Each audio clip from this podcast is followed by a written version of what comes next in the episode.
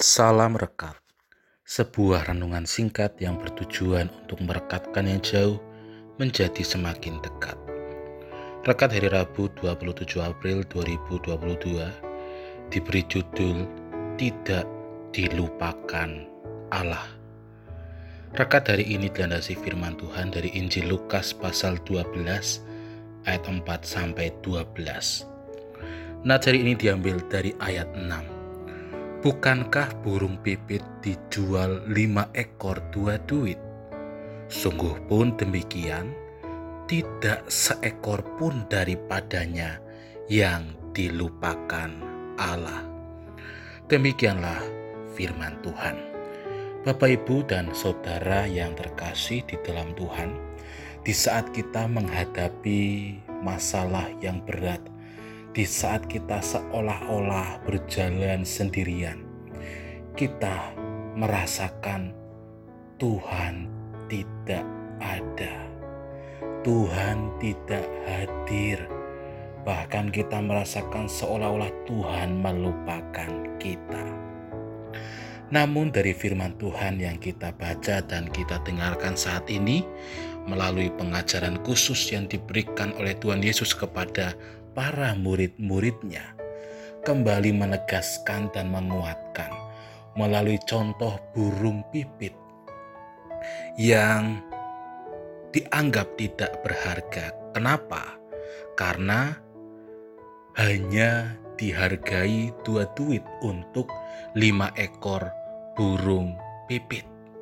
Bahkan di dalam terjemahan bahasa Jawa tahun 94 dikatakan manuk emprit yen didol rak persasat ora ono ajine.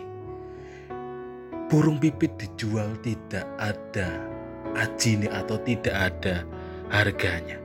Tetapi meskipun demikian, tidak seekor pun dari burung pipit yang dilupakan oleh Allah. Tentu hal ini menjadi kekuatan bagi kita Bahkan burung pipit yang dianggap tidak berharga pun tidak dilupakan oleh Allah. Apalagi kita, manusia yang diciptakan segambar dengan Allah. Tentu kita yang segambar dengan Allah itu berharga.